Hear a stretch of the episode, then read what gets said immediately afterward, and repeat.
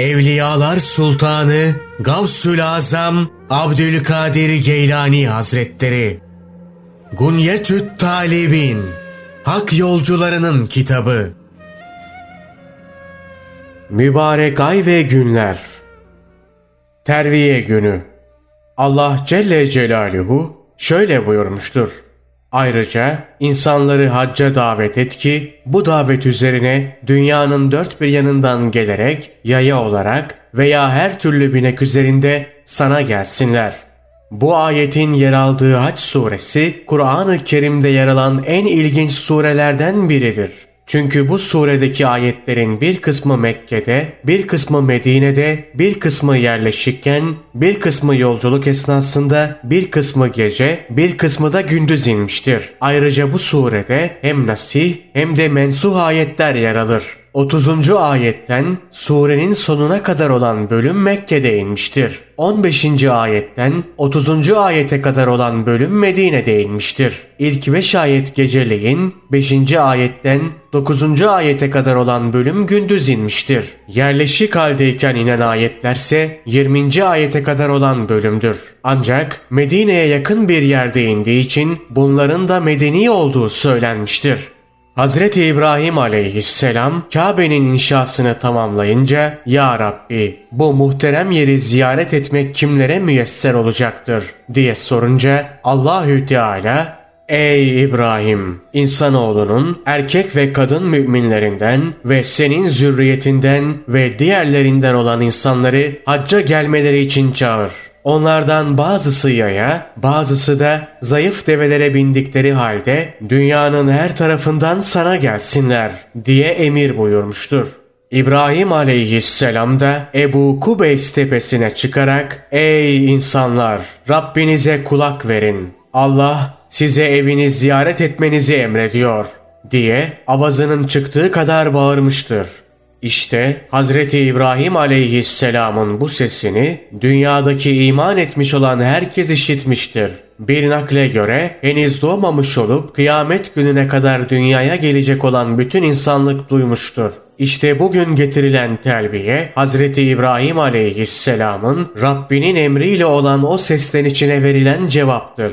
Onu duyan herkes lebbeyk emrin başımız üzerine diye karşılık vermiştir. O gün bu çağrıya olumlu yanıt veren hiç kimse Beytullah'ı hac etmeden dünyadan ayrılmayacaktır.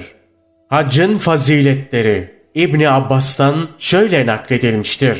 Allah Resulü sallallahu aleyhi ve sellemle birlikteydik. Yemen'den bir grup gelerek analar babalar sana feda olsun. Ey Allah'ın elçisi bize haccın faziletlerini anlatır mısın dediler. Hazreti Peygamber sallallahu aleyhi ve sellem elbette diyerek şöyle devam etti. Her kim hac veya umre kastıyla evinden çıkarsa her adım atışında ağaçtan yaprak dökülür gibi günahlar onun ayaklarından dökülüp gider. Medine'ye gelerek bana selam verince melekler de ona selam verir ve onunla musafaha ederler. Zülhuleyfe'ye varıp güzelce gusledince Allah onu günahlardan arındırır. Yeni elbise giyince Allah onun iyiliklerini yeniler. Lebbeyk, Allahümme lebbeyk deyince Allah lebbeyke ve sadeyk sözünü duyuyorum ve sana bakıyorum buyurur. Mekke'ye girip tavaf ederek Safa ile Merve arasında say edince Allah her türlü hayrı ona ulaştırır. Arafat'ta vakfe yapıp ihtiyacını arz eden sesler birbirine karışınca Allah yedi kat göğün meleklerine karşı onlarla övünerek şöyle der. Ey meleklerim, göklerin sakinleri, baksanıza kullarım dünyanın dört bir yanından toz toprak içinde bana geldiler. Mallarını harcadılar, bedenlerini yordular. İzzetim ve celalim hakkı için onların iyilerinin hatrına kötülerini bağışlayacağım. Günahlarından arındırarak analarından doğdukları günkü gibi ak pak edeceğim. Şeytan taşlayıp başlarını tıraş ederek Beytullah'ı ziyaret ettikten sonra arşın altından bir melek şöyle seslenir.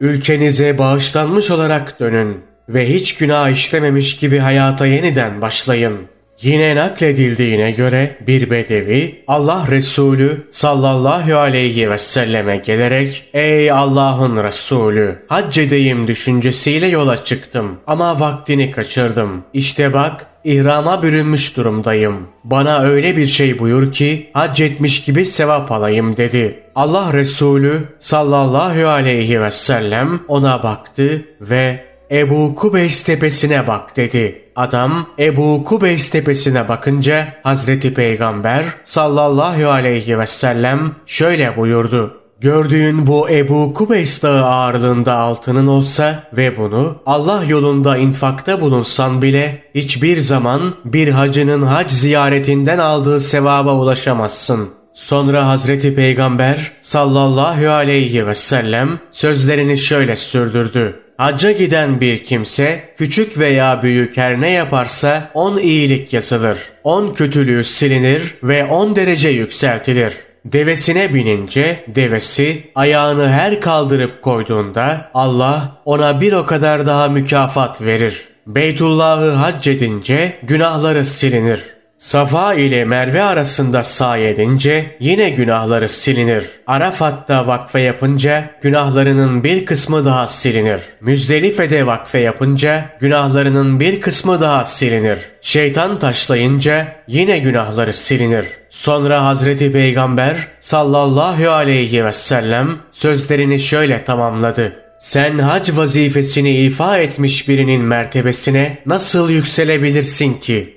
Allah ondan razı olsun. Ali bin Ebu Talib'in şöyle anlattığı nakledilmiştir. Allah Resulü sallallahu aleyhi ve sellemle birlikte Beytullah'ı tavaf ediyordum. Ey Allah'ın Resulü, anam babam sana feda olsun. Bu evin anlam ve önemi nedir? Neyi simgeler diye sordum. Hazreti Peygamber sallallahu aleyhi ve sellem Ali Allah bu evi dünyada ümmetimin günahlarına kefaret için yaptırmıştır buyurdu. Ben yine ey Allah'ın Resulü peki Hacerül Esved'in anlamı nedir diye sordum. Hazreti Peygamber sallallahu aleyhi ve sellem o cennette bulunan ve güneş gibi parlak bir mücevherdi. Allah onu yeryüzüne indirdi. Müşriklerin eli ona değdiği günden itibaren gün be gün karardı. Bu hale geldi buyurdu. Abdullah bin Abbas'ın Allah Resulü sallallahu aleyhi ve sellemi şöyle buyururken işittiği nakledilmiştir.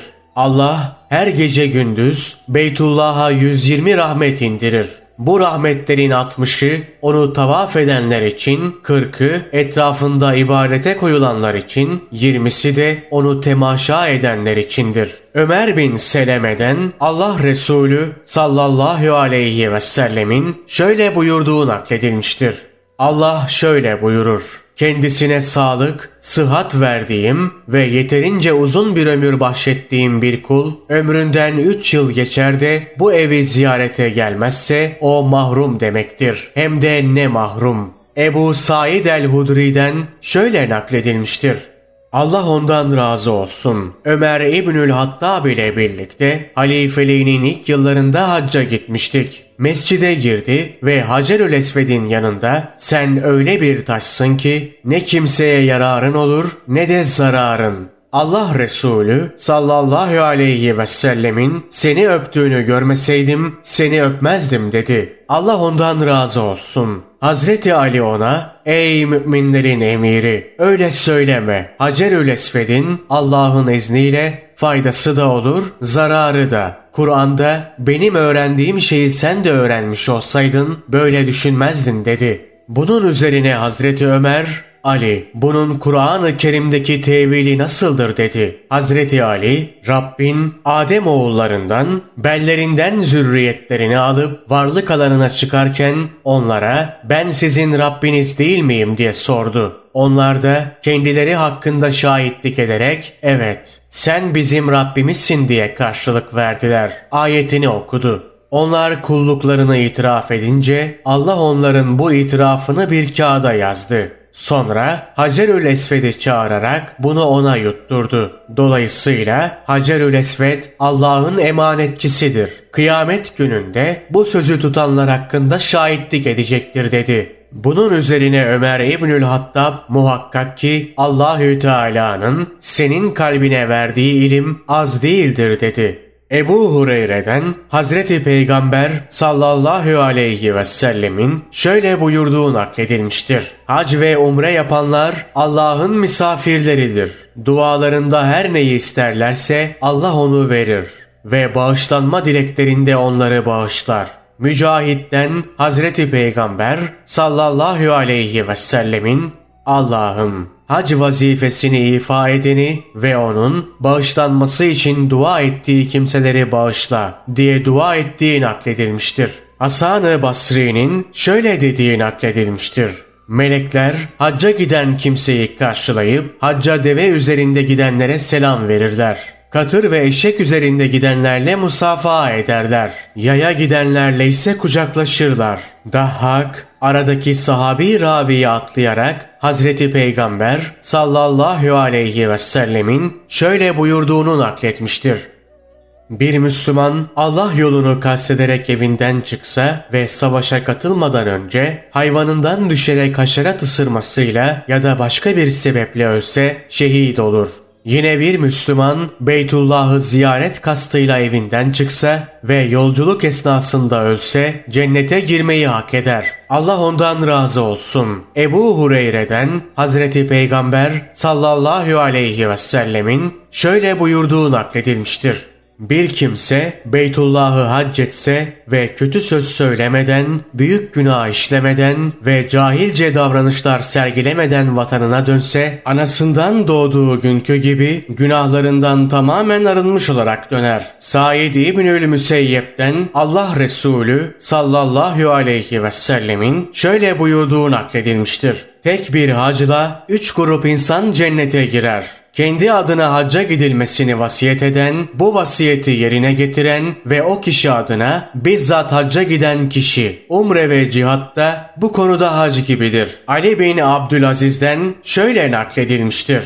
Bir yıl Ebu Ubeyd Kasım bin Sellam ile birlikte hac ibadetini ifa ediyordum. Arafat'a ulaşıp Hil Dağı'nın yamacına varınca temizlendim ve paramı da orada unuttum. Mezemeyn'e varınca Ebu Ubeyd bana bize biraz kaymak ve kuru hurma satın alsan dedi. Ben de hemen satın alayım diye çıktım ve parayı unuttuğum aklıma geldi. Gerisin geriye parayı bıraktığım yere döndüm. Para olduğu yerde duruyordu. Alıp geri döndüm. Ama dere maymun, domuz ve benzeri hayvanlarla doluydu. Bu yüzden çok korktum. Neyse geri döndüm. Beni bekliyorlardı. Sabaha yakın Ebu Ubeyd'in yanına girdim. Olup biteni sordu. Ben de anlattım ve maymun ve domuzları gördüğümü söyledim. Bana onlar insanoğlunun günahlarıdır. Onları orada bırakıp öyle ayrıldılar diye cevap verdi. Bugüne terviye günü denilmesinin sebebi Bugüne neden terviye günü denildiği konusunda görüş ayrılıkları vardır. Terviye, Zilhicce ayının 8. günü olup hacılar o gün Mekke'den Mina'ya giderler. İnsanlar zemzem suyunu kana kana içtikleri için suya kanma günü anlamında terviye günü adı verilmiştir. Terviye kelimesi sözlükte maslar olup su çekip sulamak, içmek ve gusletmek demektir. O gün insanlar zemzem suyundan bol bol içerler. Bir başka görüşe göre ise o günün gecesinde Hazreti İbrahim aleyhisselam rüyasında oğlunu kurban ettiğini görmüştü. Sabah olunca bu rüyanın şeytani mi yoksa rahmani mi olduğunu tefekküre dalıp o günü tefekkürle geçirdi. Arefe günü gelince sana ne emrediliyorsa öyle yap hitabı geldi. O zaman bu rüyanın rahmani olduğunu anladı. Bundan dolayı düşünceli bir şekilde geçirdiği güne terviye günü, rüyanın rahmani olduğunu anladığı güne ise arefe günü adı verildi. Allah Celle Celaluhu artık insanları hacca davet et buyruğuyla Hazreti İbrahim aleyhisselama kullarını Beytullah'a davet etmesini emretti. Dolayısıyla dört türlü davet vardır. Birincisi Allah'ın kullarını davet etmesidir. Allah Celle Celaluhu Allah sizi ebedi mutluluk ve esenlik yurduna cennete davet etmektedir buyurmuştur. Allah Celle Celaluhu kullarını yükümlülük yurdundan onurlandırma yurduna, görünmezlik yurdundan müşahede yurduna, fena yurdundan ihsan yurduna, imtihan yurdundan Mevla'nın yurduna davet etmiştir. Ağlamakla başlayan, sıkıntıyla devam eden ve yoklukla biten bir yurttan, lütuf ve ihsanla başlayan, hoşnutlukla devam eden ve vuslatla son bulan bir yurda davet etmiştir. İkincisi, Hazreti Peygamber sallallahu aleyhi ve sellemin ümmetine yönelik daveti olup onları İslam'a davet etmiştir. Allah Celle Celaluhu ey Habibim insanları hikmetli sözler ve güzel nasihatlarla Rabbinin yoluna davet et buyurmuştur. Davet Resulullah sallallahu aleyhi ve selleme aittir. Hidayet ise bil fiil ondan değildir. Nitekim bir hadis-i şerifte insanlara hidayet ve doğru yolu gösterici olarak gönderildim. Ben muhakkak hidayet verici değilim. Bu Allahü Teala'nın işidir. İblis insanları saptırmak için gönderildi. O muhakkak insanları doğru yoldan saptıramaz. Bu da Allahü Teala'ya mahsustur buyurdu. Allah Celle Celaluhu şöyle buyurur. Sen dilediğin kimseyi hidayete erdiremezsin. Lakin Allah dilediğini hidayete kavuşturur. Hazreti Peygamber sallallahu aleyhi ve sellem amcası Ebu Talib'in iman etmesini ve hidayette olmasını diledi. Ebu Talib hidayeti kabulden sakındı. Amcası Hamza'yı öldüren Vahşi ise iman ve hidayeti kabul etti. Nitekim Allah Celle Celaluhu şöyle buyurmuştur. Ey peygamber! Rabbin tarafından sana indirilen ayetleri tebliğ et. Bir diğer ayette ise şöyle buyuruyor. Ey peygamber! Biz seni hak ve hakikatin şahidi, müjdeci, uyarıcı ve aynı zamanda Allah'ın emri doğrultusunda insanları onun yoluna çağıran bir davetçi ve ışık saçan bir manevi kandil olarak gönderdik. Başka bir ayette Allah Celle Celaluhu Allah dilediği kimseyi nuruna eriştirir buyuruyor. Bir diğer ayette ise şöyle buyurulmuştur. Şayet biz dileseydik herkesi elbet doğru yola yöneltirdik. Üçüncüsü müezzinin namaza ve Allah'ın emrine eda etmeye davetidir. Allah Celle Celaluhu şöyle buyurmuştur. İnsanları Allah'a davet eden kimseden daha güzel sözlü kim vardır? Cabir bin Abdullah'tan Allah Resulü sallallahu aleyhi ve sellemin şöyle buyurduğu nakledilmiştir. Müezzinler ve terbiye getirenler kıyamet gününde kabirlerinden ezan okuyarak ve terbiye getirerek kalkacaklar. Müezzin ezan okuduğu sırada sesini duyan yaş kuru her ne varsa hepsi onun bağışlanması için dua eder. Müezzinin ezan okuduğu camide namaz kılanların iyilikleri kadar iyilik de müezzine yazılır. Ezanla ikamet arasında Allah müezzine dilediği her şeyi verir. Ama istediklerini ya hemen dünyada verir ya başına gelecek bir musibeti savuşturur ya da isteğinin karşılığını ahirette vermek üzere erteler. Nakledildiğine göre birisi Hazreti Peygamber sallallahu aleyhi ve selleme gelerek bana öyle bir amel söyle ki onu yaptığımda cennete gireyim dedi. Hazreti Peygamber sallallahu aleyhi ve sellem kavminin müezzini olursun. Namaz için senin sayende toplanırlar buyurdu. Adam ey Allah'ın Resulü bunu yapamazsam dedi. Hazreti Peygamber sallallahu aleyhi ve sellem kavminin imamı olursun ve insanların namazlarını kıldırırsın buyurdu. Adam ya bunu da yapamazsam dedi. Bunun üzerine Hazreti Peygamber sallallahu aleyhi ve sellem o zaman sen de namazlarını ilk safta kıl buyurdu. Allah ondan razı olsun. Müminlerin annesi Hazreti Ayşe'den şöyle nakledilmiştir. İnsanları Allah'a davet eden salih amel işte işleyen ve ben gerçekten Müslümanlardanım diyen kimseden daha güzel sözlü kim vardır? Ayeti müezzinler hakkında inmiştir. Buna göre ayet insanları namaza davet eden ve ezanla ikamet arasında namaz kılan kimseden anlamındadır. Ebu Ümame el-Bahili'den Hazreti Peygamber sallallahu aleyhi ve sellemin şöyle buyurduğu nakledilmiştir. Sesinin ulaştığı alandaki her şey müezzin için bağışlanma diler ve müezzin kendisiyle birlikte namaz kılanların tamamının aldığı kadar sevap alır. Ancak diğerlerinin sevabında hiçbir eksilme olmaz. Havle bin Takim'den Allah Resulü sallallahu aleyhi ve sellemin şöyle buyurduğu nakledilmiştir. Hastalığı devam ettiği sürece hasta Allah'ın misafiridir. Onun için gökyüzüne her gün 70 şehit sevabı yükseltilir. Afiyet bulur iyileşirse anasından doğduğu günkü gibi bütün günahlarından arınır. İyileşemeden ölürse Allah onu hiç hesapsız cennete koyar. Birisi şöyle demiştir. Müezzin Allah'ın hacibi, bekçisidir. Okuduğu her ezana karşılık bin nebi sevabı alır. İmam Allah'ın veziridir. Kıldırdığı her namazla bin sıddık sevabı alır. Alim Allah'ın vekilidir. Rivayet ettiği her hadis sebebiyle kıyamet gününde kendisine nur verilir ve bin yıllık ibadet sevabı yazılır. İlim öğrenen erkek ve kadınlarsa Allah'ın hizmetçileridir. Onlara verilecek tek karşılık cennettir. Hazreti Peygamber sallallahu aleyhi ve sellem şöyle buyurmuştur. Kıyamet gününde en uzun boylu insanlar müezzinler olacaktır. Yine şöyle buyurmuştur. Güzel niyetle 7 yıl müezzinlik yapanı Allahü Teala cehennemden azat eder. Yine şöyle buyurmuştur. Müezzinin sesinin eriştiği yere kadar sesini duyan onun için istiğfar eder. Kuru ve yaş bunu duyan herkes kendisini tasdik eder. Dördüncü davet ise Hazreti İbrahim aleyhisselamın davetidir.